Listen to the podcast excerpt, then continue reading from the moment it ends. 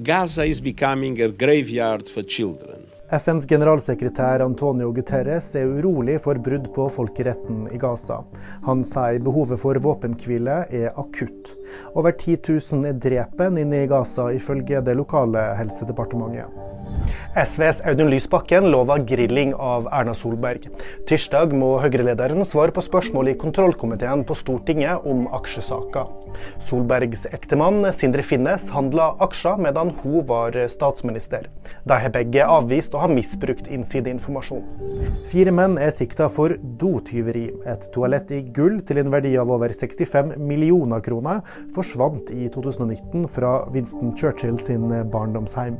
Nå er fire menn i 30-åra sikta. Hvor Guldoen befinner seg, det er fremdeles et mysterium. Og flere nyheter finner du alltid på VG.